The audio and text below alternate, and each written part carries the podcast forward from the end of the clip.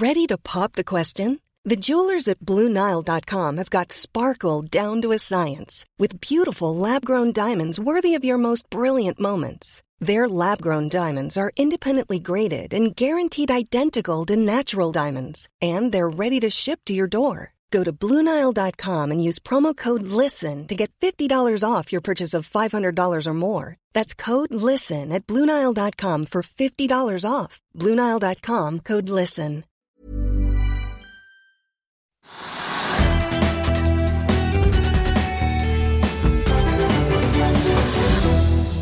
Velkommen til eh, Økonominyhetene på denne mandag 19.9. Oslo Børs eh, faller nå 2,4% har vært nede enda mer tidligere i dag, nå til 1146,78. Peter Hermanrud han spådde jo i Finansavisen på lørdag at nå smeller det. Eh, det smalt iallfall litt i Vår Energi tidlig i dag, da selskapet meldte om at utbyggingen av Balder X blir dobbelt så dyr som først antatt. Vi har med oss analytiker Theodor Sven Nilsen i Sparebank1 Markets om litt. Vi skal også innom strømstøtten, som nå får kritikk fra flere hold. Og det blir teknisk analyse av Movi og Ethereum litt senere i sendingen. Ja, dette er da noe av det vi skal innom i løpet av denne sendingen. Eh, velkommen til Økonominyhetene igjen, og på en dag med mye ny uro, og med utsikter til at det kan bli en både spennende og stygg uke. Og vi har med oss til det også da Trygve Hegnar i studio.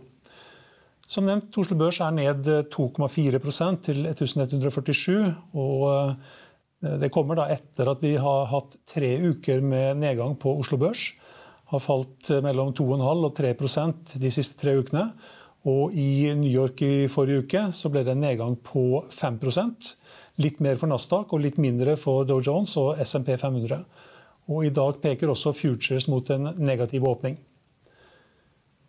Oljeprisen har vært litt opp fra de laveste nivåene i forrige uke.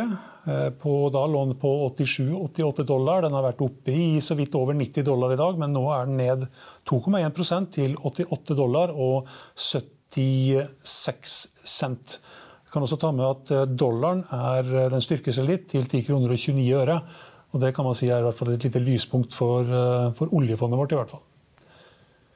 Kan også ta med at Tiårsrenten i USA er på sitt høyeste siden 12.4.2011 i dag, på 3,5 La oss i Finansavisen hjelpe deg med å holde deg oppdatert på alt som skjer i finans og næringsliv. Hver morgen er jeg, Marius Lorentzen, og aksjekommentator Karl Johan Målnes på plass i studio for å ta tempen på dagens marked i Børsmorgen. På ettermiddagen oppsummerer vi alt du trenger å vite i økonominyhetene, og så får vi selvfølgelig besøk av masse interessante gjester. Du finner oss på fa.no-tv, eller ved å søke opp Børsmorgen og Økonominyhetene der du hører på podkast.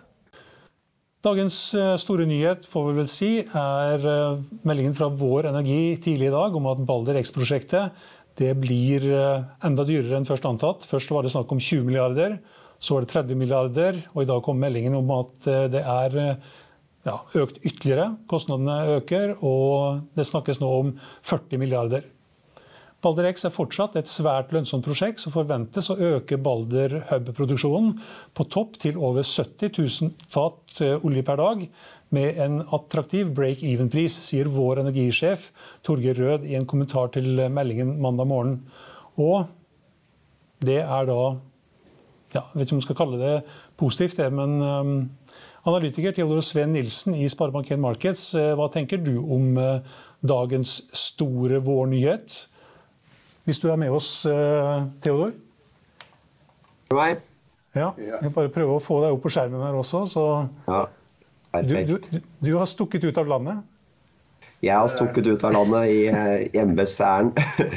Så ja, nei, hva jeg tenker eh, Det er jo eh, Alt er enkelt sett i ettertid, men det er klart at det har jo brukt en del tid på de siste ukene på å lage diverse sensitivitetsanalyser og scenarioer på mulige forsinkelser på ulike utbygninger både inn- og utland, og der er også og Balder. Men det er klart Presist hvor mye det skulle bli forsinka kostnadsoverskridelse, vet man jo aldri. Nå er katta litt ut av sekken. så det vi gjør med estimatene våre er jo ganske så, ja, halvdramatisk for 2024, men på noe sum og part og nåverdibetraktninger så gjør det veldig lite, ned snaue 2 eh, på vår sum og part-verdsettelse. den forsinkelsen som er eh, annonsert i dag. Og årsak til det er selvfølgelig det norske skattesystemet som, som tar mye av den eh, overskridelsen. Så, så, mye av verdien man på en måte mister her, det er nåverdien med at eh, fatene blir produsert lenger ut i tid. Men, men, men en kommentar til det. Altså, jeg er helt enig i det regnestykket, selvfølgelig. Men jeg synes det som var litt skremmende, er egentlig det at mange har jo tenkt at olje- og gassektoren er liksom den beste vi har, og alle tjener penger der, og det går bra, og energietterspørselen vil være stor, og knapphet på eh, leveranser av både gass og olje vil være der. slik at liksom, Er du i olje og gass, så er du inne, liksom. Det er det beste du kan gjøre. Men jeg synes det som var tankevekkende, var det at man får plutselig vite at selv om da på en måte ikke gjør noe fordi at dagens effekt av fremtidige inntekter blir så la, liten, men altså hvis man da når man da plutselig får beskjed om at et felt da, Balder, prisen går fra 20 til 40 milliarder kroner, så er det liksom 20 milliarder mer. sånn liksom, hva foregår liksom? Er usikkerheten så stor? Er liksom beregningene så vanskelige? jeg jeg syns 20 milliarder er ganske mye når du bare legger det på bordet. Ok, det kostet 20 milliarder, men nå koster det 40 milliarder. Ja. Ja, nei, Jeg er helt enig i den refleksjonen, men jeg tror en ting som man må ha med i bakhodet, er at det var ikke i dag det gikk fra 20 til 40 milliarder. Nei, ja. Det har jo vært tidligere kostnadsøkninger også, men for all del, jeg kunne ikke vært mer enig. Det er jo det, er klart, det her er jo et prosjekt som er Det er et oppussingsprosjekt av en gammel FPSO. Eh, og det er vel som andre oppussingsprosjekter at det ofte blir dyrere og mer komplisert enn man trodde i utgangspunktet. Eh, så jeg tror sånn read across til andre prosjekter enn norsk sokkel, eh, som er mer sånn altså greenfield på dårlig norsk, Castberg f.eks., det er kanskje mindre sjanse for at man får noen store ting der. Men ja, jeg er uenig i at det er dobbelt så dyrt som man trodde i utgangspunktet. Det er mye, det. Men det har litt å si for kursmålet ditt, Theodor? Ja, da, absolutt. Så I dag morges når denne meldingen kommer, så, så kutta vi kursmål fra 70 til 65. og Kursmål er da basert på en blanding av ulike verdsettelsestilnærminger, bl.a. Eh, eh, bottom up sum of part, som i dag kutta 2 så, um, så, det er klart, eh, noe slår det, men uh, ikke sånn helt dramatisk. Og at uh, aksjen faller mer enn det man klarer å regne seg til, det er ikke veldig overraskende, egentlig. Men, men, men, men de andre oljeselskapene, altså, jeg synes det var ganske interessant. Jeg hadde ikke regnet med å se CDF-tallet. Altså, en, en, tid hvor det er litt usikkerhet, er bare litt i, så får vi plutselig beskjed om at liksom, Equinor faller 4-5 og Aker BP faller 4-5% og og, og, vår industri faller 8% eller noe sånt. Liksom, de faller 5-6-7-8% de største selskapene i verden som tjener mest penger for tiden. Det, da, ja. jeg, da, blir det ganske vanskelig å holde liksom, Hvor går jeg nå? Eh, eh, helt enig. og man, må ha to tanker i hodet samtidig nå. Altså, eh, det kunne vært et langt resonnement, men jeg skal prøve å gjøre det kort. På kort sikt her så er det sånn uansett hvordan du vrir og vender på det, så er det massiv oppside på, nei, på tredje- og fjerde kvartalsestimater på alle de selskapene du, du, nevnte, Trygve. Litt på lengre sikt så er det klart at det er vel fair å si det at det er resesjonsfrykt. Gassprisen i Europa skal jo ned til et litt mer normalisert nivå. Om det skjer i dag eller i morgen eller om to-tre år. Det er vanskelig å si. da. Så, så, det er litt sånn eh, Du må prøve å ha de to tankene i hodet på en gang. Og i dag, det som preger markedet, er helt klart resesjonsfrykt. Eh, oljeprisen er ned. Gassprisen er jo ganske mye ned over helgen her. Eh, så at aksjer faller, ikke overraskende. Jeg skulle nesten gjette at vår skulle falt mer i dag, når jeg vet hvor mye markedet er nede i dag.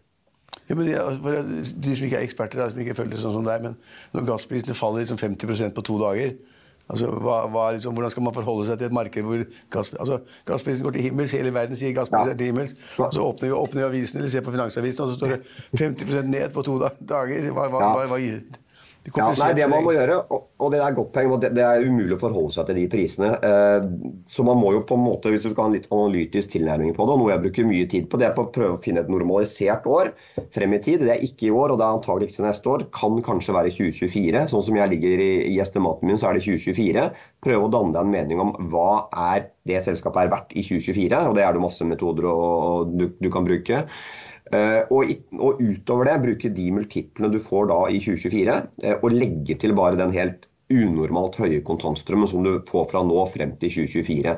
Så det er klart det at de gassprisene hopper opp og ned noe helt vanvittig nå på kort sikt, det er jo egentlig mer forvirrende enn oppklarende og ikke egnet til å bruke på langsiktig verdsettelse. Men du var inne på det, Theodor.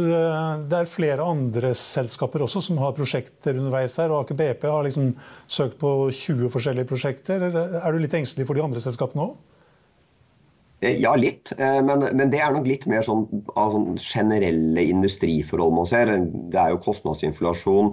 det er som alle andre steder. Når jeg snakker med selskapene, så hører jeg at det er 10-40% forventa kostnadsøkning, altså prisene, i 2023 i forhold til 2022. Så det er klart mye av det som skjer på Balder i dag, det er nok litt prosjektspesifikt med oppussing av en eldre FPSO. men det er jo klart, I den oppdateringen jeg sendte ut i dag morges, så, så, nevner jeg jo enkelte andre prosjekter som man i hvert fall kan spekulere litt rundt. Det er Wisting i Barentshavet, det er et viktig prosjekt. Noaka er et annet stort prosjekt på norsk sokkel. Breidablikk kanskje.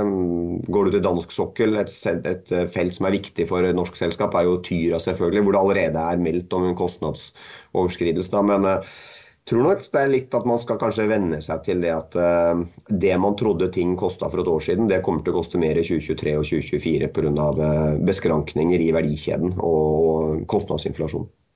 Så er vi så heldige i Norge som har et skatteregime, sett fra aksjonærer ståsted, skatteregime som, som gjør det at, uh, at man er skjerma for deler av de kostnadsoverskridelsene. Og det er nok andre skatteregimer globalt som er mye verre ramma uh, enn det man er på norsk sokkel. Fordi at staten tar 78 av eh, kostnadene.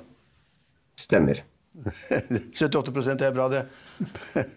Eh, og så har det blitt gjort en liten endring, ikke for å bli så skatteteknisk for teknisk her, men, men, det har blitt en, gjort en liten endring hvor man har fått enda mer fortung eh, fradrag på investeringene enn det det var tidligere. Da, så, mm. ja. Det kommer med oljepakken? Eh, ja, eller eh, det også er det jo et nytt også skatteregime som skal være permanent, hvor man da har, eh, ligner mer på en kontantstrømskatt enn en inntjeningsskatt. Mm. Det som da skjer i, i, Vår Energi her, også med de parallellene som kanskje kan trekkes til Aker BP og Equinor, har de begynt å se på noen justeringer på de andre oljeselskapenes kursmål? Nei, ikke foreløpig. Det er klart det er jo olje- og gasspriser som er det aller viktigste her. Er, du skal ha ganske store prosjektoverskridelser for å gjøre noe der. Men, men nei, igjen, sånn som, som, jeg nevnte, så, så det, er jo, det, er jo, enkelt å identifisere andre store prosjekter på norsk sokkel som ligger lagret til for spekulasjon, for kostnadsoverskridelser. Så ikke gjort noe ennå, så får vi se hva vi gjør med det fremover. Du sa det er flere verdi, verdifastsettelsesmetoder du kan bruke på vår energi, og du bruker sum of the parts. Hvorfor det, kontra f.eks. Ja, resultat per aksje og hva du forventer der? Jo, nei, altså Vi bruker en miks av flere. så Det vi gjør er jo den sum of the parten, det er jo en bottom up eh, felt per felt-verdsettelse med egne produksjonsprofiler og Capix-profiler. Vi, vi, bruker også uh, inntjening per aksje, EV operasjonell cashflow, uh, utbytte-gild-modeller og fri cashflow-gild-modeller. Så det er fem-seks mm. forskjellige modeller vi bruker. Og så er gjerne kursmålet basert på et vekta snitt av de. da. Da får du med alt?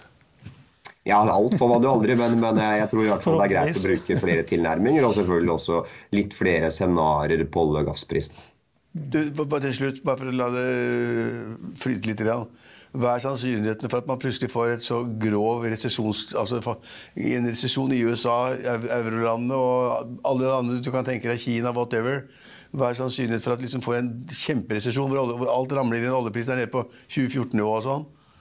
Er det 1%, 1% eller 7% eller 0% jeg har en kollega som er veldig god på makro, som du sikkert kjenner godt. og Han er jo veldig sikker på at det her blir det resesjon mange steder, så jeg tror ikke jeg skal um, prøve å overprøve det, det synet noe særlig. Men jeg tror jeg kan dele en tanke på hva jeg tror på olje, øh, oljepris her. da. Så blir det resesjon, gitt at du godtar det premisset. Det blir en global resesjon. Dyp, dyp, litt dyp, jeg vet ikke. Og da, jo, da, vil jo i ryggmargrefleksen si jo det at da skal jo oljeprisen til 30-40 dollar, nå var det ned på 20 dollar i forbindelse med covid. Så det ville være ryggmargsrefleksen. Men jeg har en liten idé om at eller i hvert fall et scenario nå hvor det kanskje ikke faller så mye, fordi at nå er OPEX evne til å levere volumer virker som er helt uten, altså mye lavere enn tidligere. Så kanskje den bunnen du får i resesjonen på oljepris, som du kan ikke regne på det. Da går det eller kanskje gjerne ned til grensekostnaden, sånn at du får null i EBITDA. Men av den bunnen, kanskje ikke den er 30-40 dollar i den kommende resesjonen, hvis det blir det. Kanskje den er 50-60 eller noe sånt isteden. Mm. Men det er opplagt. altså Global resesjon, da, har du ikke oljepris på 90 dollar. da. Nei. Tusen takk for at du var med oss, eh, Theodor. Takk, takk. Jeg ønsker deg lykke til videre i Paris, hva det enn du finner på der. takk for det. Takk, takk. Lido og dansende damer. Ja, De har vel litt av hvert i Paris. Det er alltid noen som selger når andre, alltid noen som kjøper når andre selger. og Ansattrepresentant i styret i Vår Energi, Bjørn Nystedt, han har i dag kjøpt 7000 aksjer til kurs 36,90 og casha ut da 258 300 kroner på, på aksjene. Ja, vi må vel innom et par andre ting også. Du var inne på det til å begynne med, Vi bør jo nevne markedet generelt. Altså, du, du, sa det var litt, altså Nå er det 2,5% ned. Du sa det at det har vært bare mer. Ja, det var så vidt jeg husker nå, det er ikke så mange timene siden, ned 3,5% eller sånt nå. Og det, er et ganske dramatisk fall. Og det henger sammen med det også da Peter Hermanrud sa i forrige uke.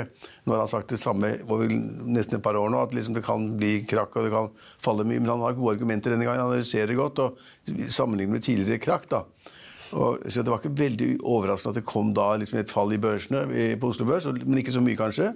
Fordi det har gått ganske mye ned det siste halvåret i Amerika. Vi har liksom ligget på en sånn oljebølge, og så har vi ikke fått det fallet. Og nå fikk vi det. Og 3,5% er mye. Og grunnen til det altså Det kunne vært mye verre hvis vi ikke hadde hatt en så sterk oljepris og en så sterk oljesektor i Norge. fordi at Grunnen til det er det at vi går nå, det har vi snakket om før, vi går nå i en periode nå hvor rentene skal dramatisk opp. altså Alle sentralbankene skal kraftig opp. Setter opp styringsrenten overalt i EU, i USA, i Norge. Alle har opp liksom 50 punkter, eller 75 punkter. Eller noen spekulerer kanskje i 100 punkter. Noen steder slik at vi vet nå at sentralbanken skal sette opp renten. Og det gjør at det blir vanskeligere å leve i disse landene. Altså Man kommer til, bli, kommer til å bli større ledighet. og Folk har mindre å rutte med, de, pengene blir mindre verdt, for alt går opp, alle matvarepriser går opp, alt mulig annet går opp. Så den sterke prisveksten gjør at liksom noe av etterspørselssiden blir borte. tar bort den. Uh, og Det vil sannsynligvis da få innflytelse på veldig store deler av økonomien i Norge og, og, og, og ellers.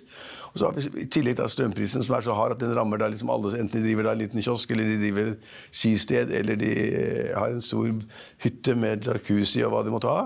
Så vi, er, vi, går inn i en tid nå med veldig høye renter. Sannsynligvis nedgang i ledigheten, eller øk, økt ledighet i mange land. Og en høy oljepris. Og da Det er ikke bra. Og da, da, da skal børsene korrigere litt ned, for det, fremtiden blir litt dårligere. og de, de, de, de, selskapene som har hatt den store veksten tidligere, de vekstselskapene hvor de fremtidige inntektene teller så mye, de teller da mye mindre med høy rente. Så de skal, også, de skal liksom da ned. og Samtidig skal du da liksom lete etter verdiselskaper, som oljeselskapene kan være. Men hvis da på en måte da en av grunnene oljeprisen begynner å falle også, så er det, da skal Oslo Børs ganske mye ned. Og rentedommen fra USA den får vi denne uka her. Ja, Og i Norge denne ja, uka her. Ja. Og i USA så ligger den på 2,25% til 2,75. Og hvis den skal opp med 100 punkter, som du sier, da skal den opp til 3,25? til... Ja, mange har sagt at det, de, altså, det, det, poenget er at det, det, er liten sannsynlighet for det ennå? Ja, det er liten sannsynlighet, men mange sier jo det at sentralbanken i USA og i andre land, i, også inne i EU, sier at nå skal, altså, nå skal prisveksten ned. Og den prisveksten får vi bare ned Så å sette kraftig opp. Whatever it takes, som de sier. ikke sant? Så Vi, vi, vi bør ikke lure oss inn i det at liksom, nei, nå vil da sentralmarkedet slappe litt av. Det er mange makroøkonomer i Norge som sier at liksom, nei, nå må de slappe av i Norges Bank, nå må de ta det med ro, se på tallene, det er ikke grunn til å heve rentene så mye. Ikke sette opp styringsrenten så mye. Så, ja, altså... De, de, sier nå skal vi stoppe det. Og når vi har inflasjon på 9-10% i sentrale land og deler av verden, Stenove, 9-10% så skal det ganske kraftig kur til for å få de prisene ned. Og for å få de prisene så må de øke renten ganske betydelig. Og da får det så stor innflytelse på børsene at de, at de faller. Vi går inn i en veldig dårlig tid i september. Eneste lyspunktet, da, i den grad man kan snakke om noe lyspunkt, er at kronen svekker seg kraftig. Ja, ja, ja. Dollar stiger kraftig. Bedre for eksporten og bedre for oljefondet? Ja, bedre for oljefondet når de regner og legger sammen verdiene, så har de veldig stor glede av en svak krone. Det er helt riktig. Mm. Men, men, men, men, hovedbudskapet er at vi går altså, det, det, er som Herman sier, vi går inn i kaller det ikke krakk, vi går inn i tider som blir dårligere, og så vet vi eksakt hvorfor. Fordi da sentralbankene setter opp styringsrenten, og rentene går opp. Og det blir mindre igjen til husholdningene til å bruke på andre til forskjellige varer og tjenester.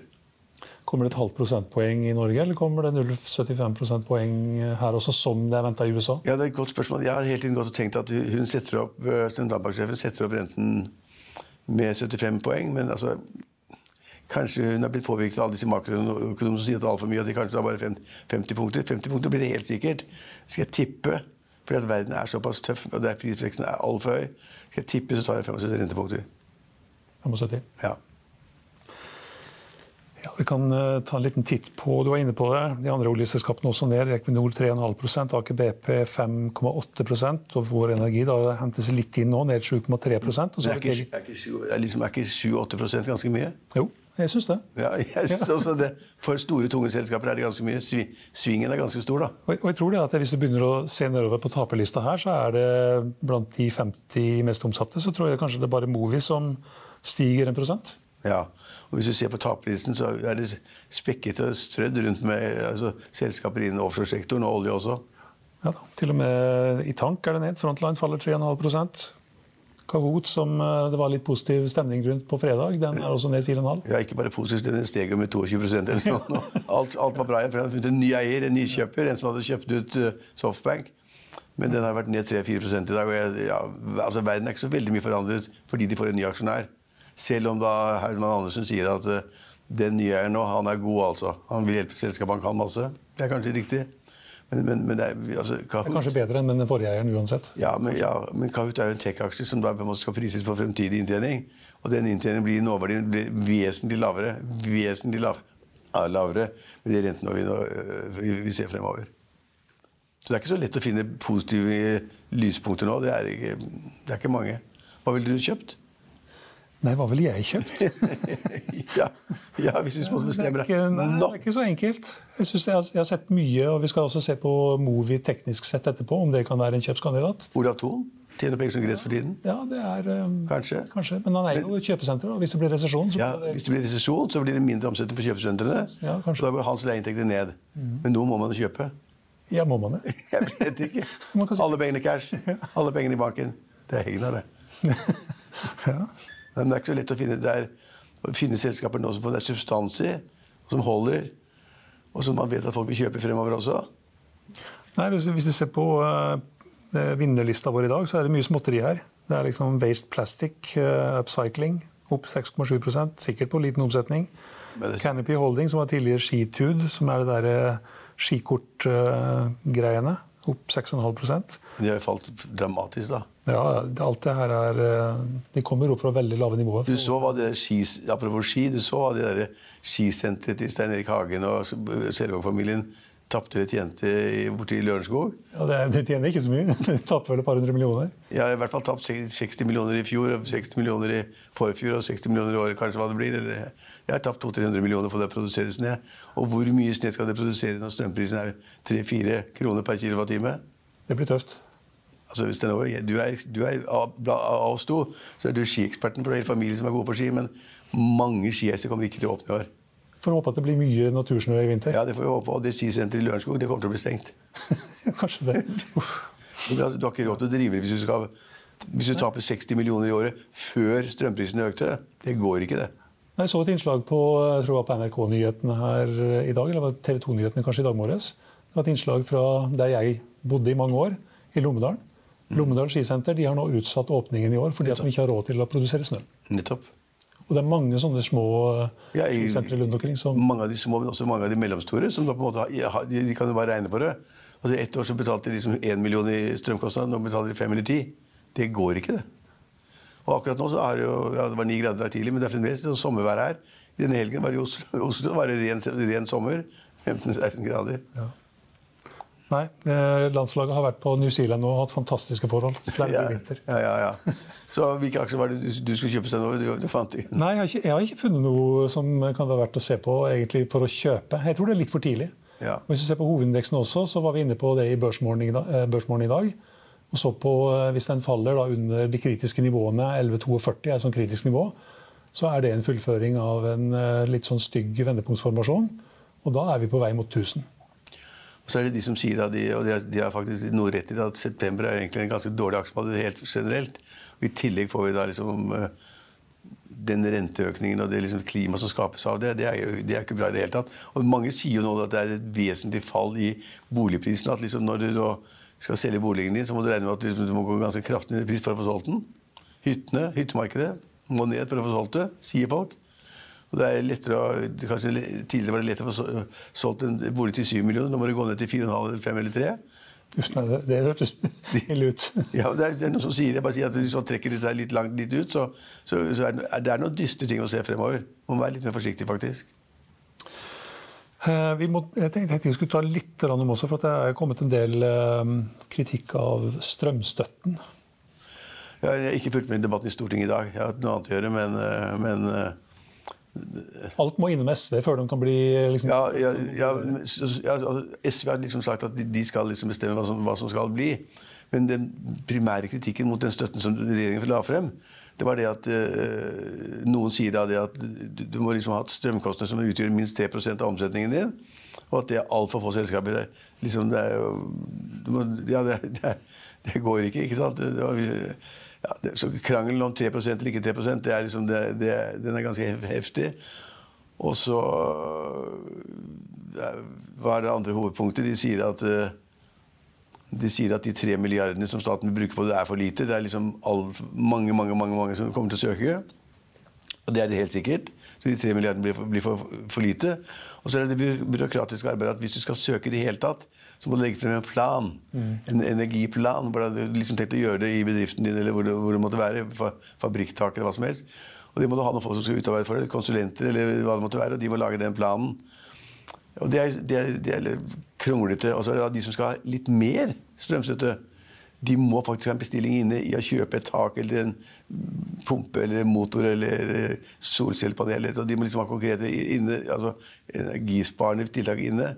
Det er også ganske krevende hvis du skal ta en million eller to for å kjøpe en del av et tak til solcellepanel, for du har fått den største, øh, største, støtten.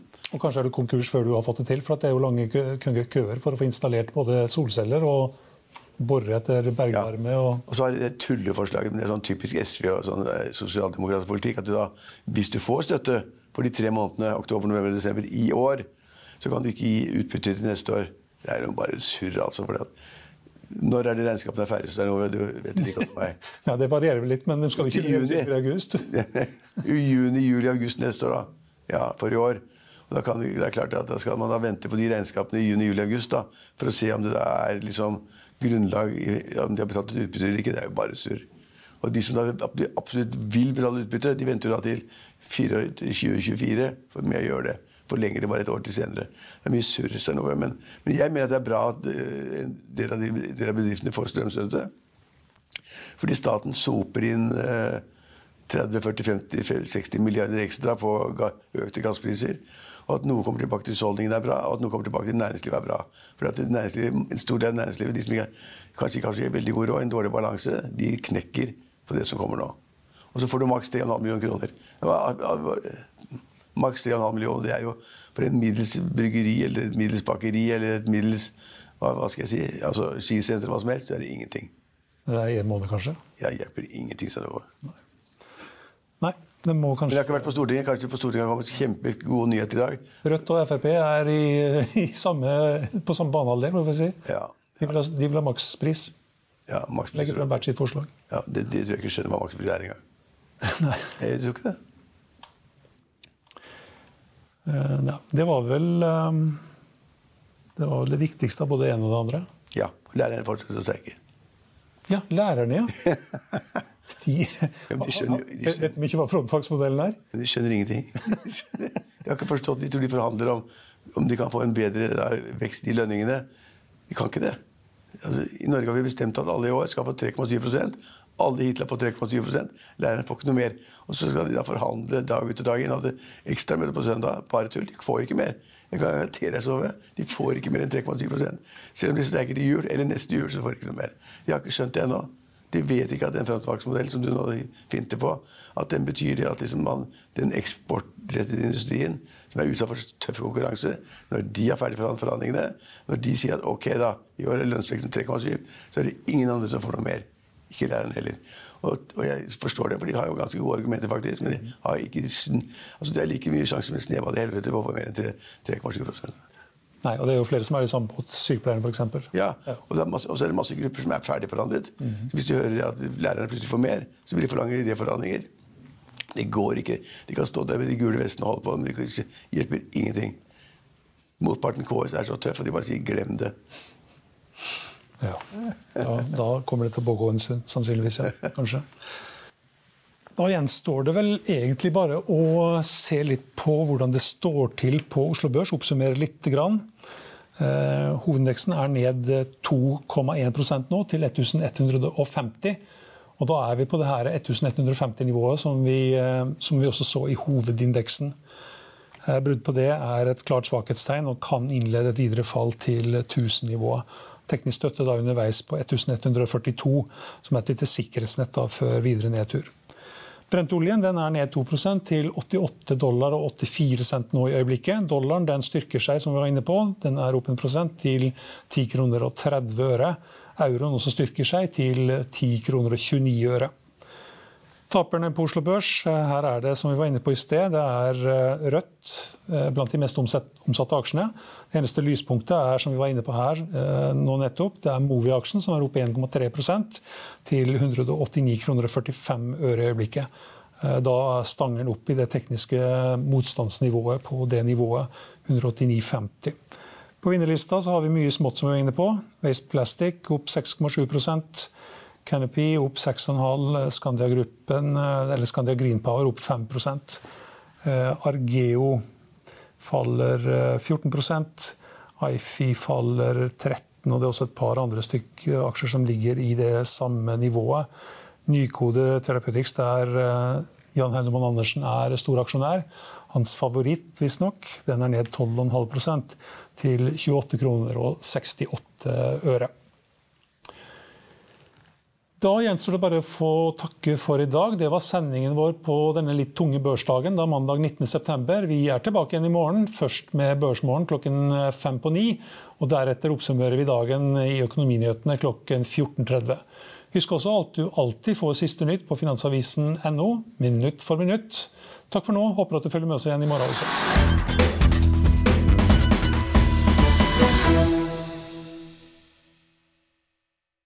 Økonominyhetene er en podkast fra Finansavisen. Programledere er Marius Lorentzen, Stein Ove Haugen og Benedikte Storm Bamvik. Produsenter er Lars Brenden Skram og Bashar Johar. Og ansvarlig redaktør er Trygve Hegnar.